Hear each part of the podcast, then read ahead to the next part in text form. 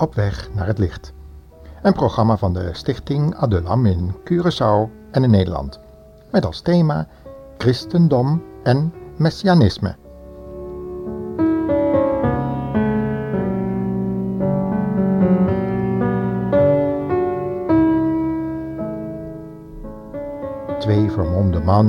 Liepen over de weg naar Bethlehem.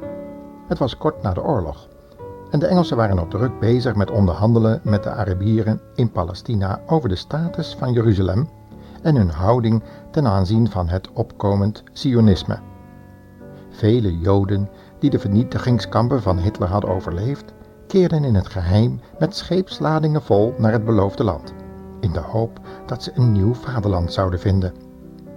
De meesten hadden diepe zielenwonden en worstelden met diep weggestopte emoties. Mosje, een Messias beleidende Jood en lid van de ondergronds werkende verzetsbeweging van de Haganah, die probeerde zoveel mogelijk Joden uit onder andere Europa naar het land binnen te smokkelen, was in de vermomming van een Bedouinennomade op weg naar het dorpje Bethlehem. Hij had een afspraak met een jonge Amerikaanse oorlogsvlieger, die de geheime opdracht had om vliegtuigen in te kopen voor de nog jonge te vormen staat Israël. En met behulp van dit soort geheime oorlogsinvesteringen moesten jonge pioniers zich een eigen staat bevechten op de Arabieren, die hun land reeds vele jaren bewoonden. En vanwege het vele lijden van de Joden waren er internationale besprekingen gaande om voor het beproefde overblijfsel een eigen thuisland te scheppen. Maar vele krachten hadden zich tegen dit masterplan gekeerd. En mocht het toch lukken, dan zouden vele inwoners van Palestina zich tegen de vestiging van die jonge staat gewapenderhand verzetten. Vanuit zijn geloof in de wederkomst van Messias Josia, die door de christenen Jezus werd genoemd, had Mosje zich achter het idee van een eigen staat Israël geschaard, in de wetenschap dat hij daar wel eens het offer van zijn leven voor zou moeten geven. Hij was wetenschapper en historicus. En hij was zojuist tot geloof gekomen in de Messias, door de gevonden boekrollen van Jezaja. Maar hij weigerde beslist zich een christen te noemen, omdat hij in die naam vele gruwelijke dingen had gehoord tegen de nakomelingen van Abraham. Hij kende de christelijke geschiedenis inmiddels op zijn duimpje. Howard, de Amerikaanse piloot met wie Mosje een afspraak had en die zojuist door zijn vriend Mosje herkend was, ondanks zijn kledij van een schaapherder, was zelf christen. Maar hij begreep nog steeds niet waarom Mosje zich geen christen wilde noemen.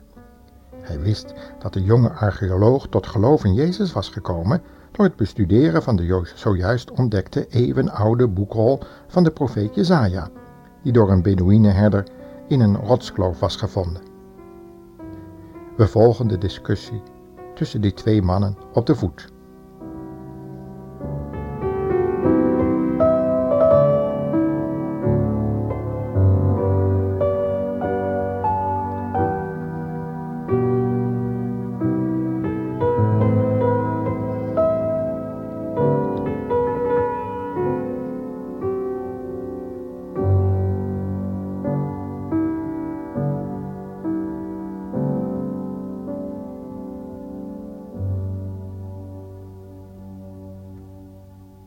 Waarom wijs je die naam van christen af, Mosje?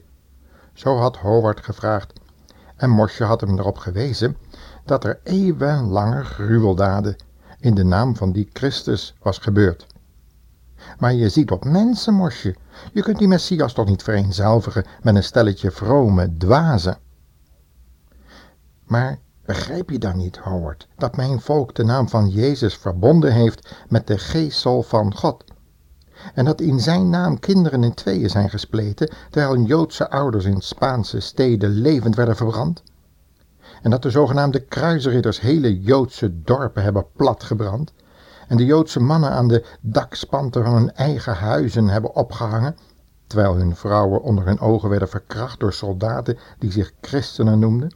Mannen die meenden God een dienst te bewijzen door die zogenaamde Jezusmoordenaars, zoals de Joden in de tijd werden genoemd, af te straffen voor kruisiging die zij op hun geweten zouden hebben. De christen, piloot Howard, had beschaamd zijn hoofd moeten buigen. Hij erkende dat er veel tussen hen in stond. Vele zwarte bladzijden, zogenaamde christelijke geschiedenis. Hoe zouden die zogenaamde christenen dat ooit goed kunnen maken? Zo vroeg hij zich terecht af.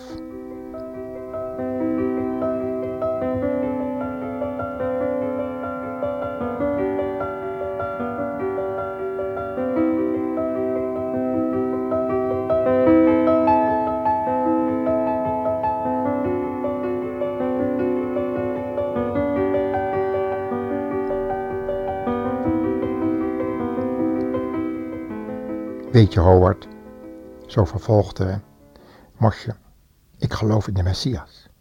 Ook dat hij reeds lang geleden gekomen is om eens en voor altijd het definitieve offer voor ons volk te brengen. Maar ik geloof ook dat dat offer voldoende is voor de bekering van de hele wereld, Howard. En daarom accepteer ik je als mijn vriend en broeder, hoewel ik mijzelf nooit een christen zou kunnen noemen. Staat er niet in het boek dat Lucas geschreven heeft en dat Handelingen wordt genoemd, dat de in Christus gelovige bekeerlingen uit de volken en de Joodse discipelen van Jezus pas in Antiochië christenen werden genoemd? En dat Petrus veel later pas in zijn brieven spreekt over lijden als een christen? Hij meende hiermee te moeten aangeven dat je als in Christus gelovigen Jood en bekeerde heiden lijden zal moeten accepteren, als je die naam van Christus beleidt of wil dragen. Wist je uh, dat een tot het christendom bekeerde Jood zijn familie en de heilige boeken moet afzweren van christenen? Dat een Jood die gedoopt werd tot christenen varkensvlees moest eten en verder alle Joodse feesten moest verlogenen? En dat terwijl Jezus zelf alle Joodse feesten meevierde, inclusief het Pascha in Jeruzalem. Jullie christenen hebben van onze Messias een heiden gemaakt. Howards ogen twinkelden bij deze vurige uiteenzetting. Hij kende dit soort discussies en hij hield ervan. Maar Mosje, al die verkeerde historische geweldplegingen van kleingeestige en slechte mensen in de naam van Jezus, maar die maken van hem toch geen heiden? Mosje dacht na en zei nee inderdaad. Howard, dat is zo. Maar ik erken deze Jezus dan ook niet alleen als een groot profeet, zoals Mohammed deed, maar ik ken hem ook als onze Verlosser en Heer, die zijn eigen vlees en bloed gaf voor mijn en jouw zonde. Sterker, dat hij Yahweh zelf is, gekomen in de gestalte van vlees en bloed als het lam van God wat de zonde der wereld wegnam. Alleen zo kon hij ons volk en deze hele mensheid redden van de ondergang. Dat kunnen wij samen, hoort, met al de onze en onze wapens nooit. Alleen wanneer Hij zal terugkomen, zal het werkelijk vrede op aarde kunnen worden en zal mijn volk in alle rust en harmonie met de buurvolken kunnen leven. Dat kan geen Engelse regering en ook niet die van Europa en Amerika bij elkaar bereiken. En ondertussen doen wij samen wat we kunnen om een thuisland voor de onze te creëren. Hoewel dat met veel lijden gepaard zal gaan, Howard. Ben je daartoe bereid?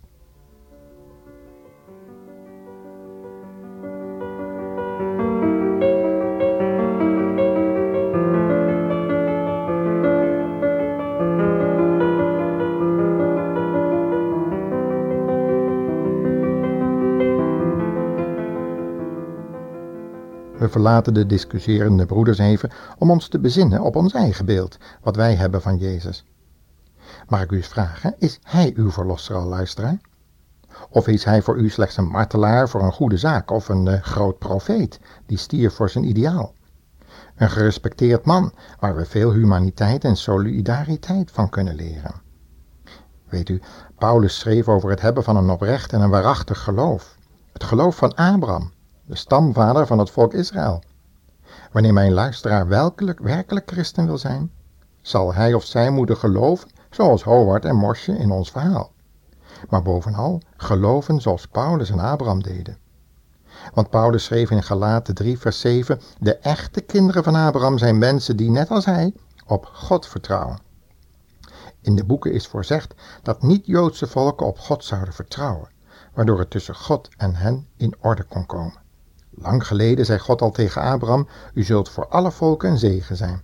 Ha, dat was goed nieuws. Ieder die dus net als Abraham op God vertrouwt, zal net zo gezegend worden als hij.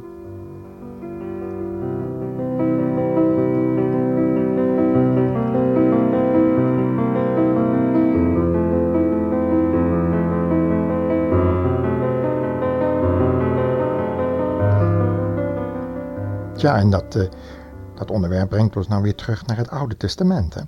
Opnieuw bij de profeet Jezaja. Het boek waardoor de Joodse geleerden tot geloof in de reeds verschenen, maar gekruisigde Messias kwam. We lezen daarin dat mensen die in God al hun vertrouwen stellen en zijn woorden serieus nemen, rijke beloften ontvangen. Beloften die in principe voor het volk Israël bedoeld waren, maar die elke gelovige uit de volkeren zich eveneens eigen mag maken. En dat alleen omdat Jezus zelf en Paulus hierover gesproken hebben. Jezus, omdat hij gesproken heeft over een kudde die bestond uit schapen die uit hun oorspronkelijke stal Israëls kwamen. En andere schapen die niet uit die stal kwamen en uit de volkeren. We lezen daarover in Johannes 10. Paulus schrijft hierover in Romeinen 11, vers 17 tot 20, wat we voor de luisteraars zullen citeren. Sommige natuurlijke takken zijn van hun olijfboom afgebroken. En u, niet-Joden, bent als wilde takken op de goede olijfboom ingeënt. Nu u tussen die andere takken staat, krijgt u net als zij voedsel uit de wortel. Nu moet u vooral niet neerkijken op die takken die afgebroken zijn. Verbeeld u maar niets.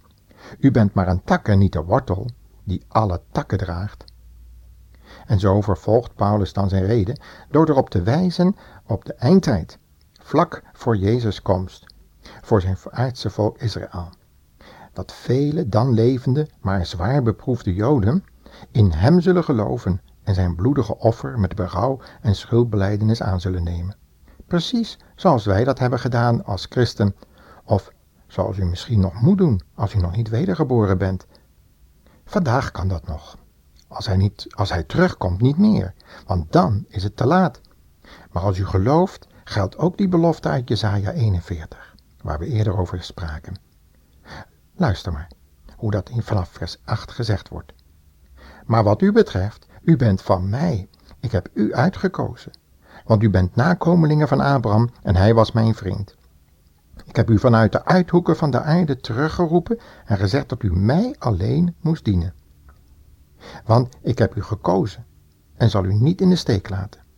Wees niet bang, want ik ben met u. Kijk niet angstig om u heen, want ik ben uw God. Ik zal u kracht geven en u helpen. Ik zal u overeind houden met mijn heilrijke rechterhand.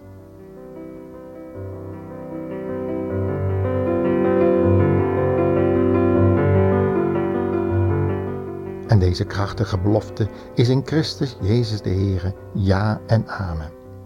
Wanneer u gelooft, zoals de schrift leert, zullen ook uit uw binnenste stromen van levend water voortkomen. Stromen van eeuwig leven, woorden van geest en leven, die troosten, opbeuren, bemoedigen, nieuwe kracht in u doen ontstaan door de heilige geest van God en Christus.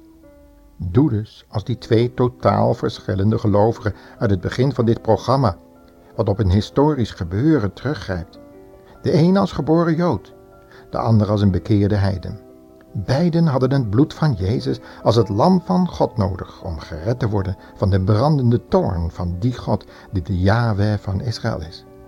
En u en ik hebben dat bloed ook nodig. Bloed dat eens en voor altijd gestort is op het kruis van Golgotha, waarvan de liefde als het ware ervan afdroop, doordat Hij zijn bloed wilde geven voor de zonde der wereld, Israël en de volken en waarover Abraham gezegd had dat het op de berg Moria voorzien zou worden. Hij heeft tegen Isaac gezegd, God zal zichzelf een lam ten brandoffer voorzien, mijn zoon. In een oude vertaling staat in het Hebreeuws, mijn zoon is brandoffer, mijn zoon. En dat offer is inderdaad gebracht, 2000 jaar geleden, voor u, voor mij, voor zondaren die vergeving zoeken aan de voet van dat vloekhout der schande Mag ik u vragen, heeft u dat al gedaan? Tot de volgende programmaserie.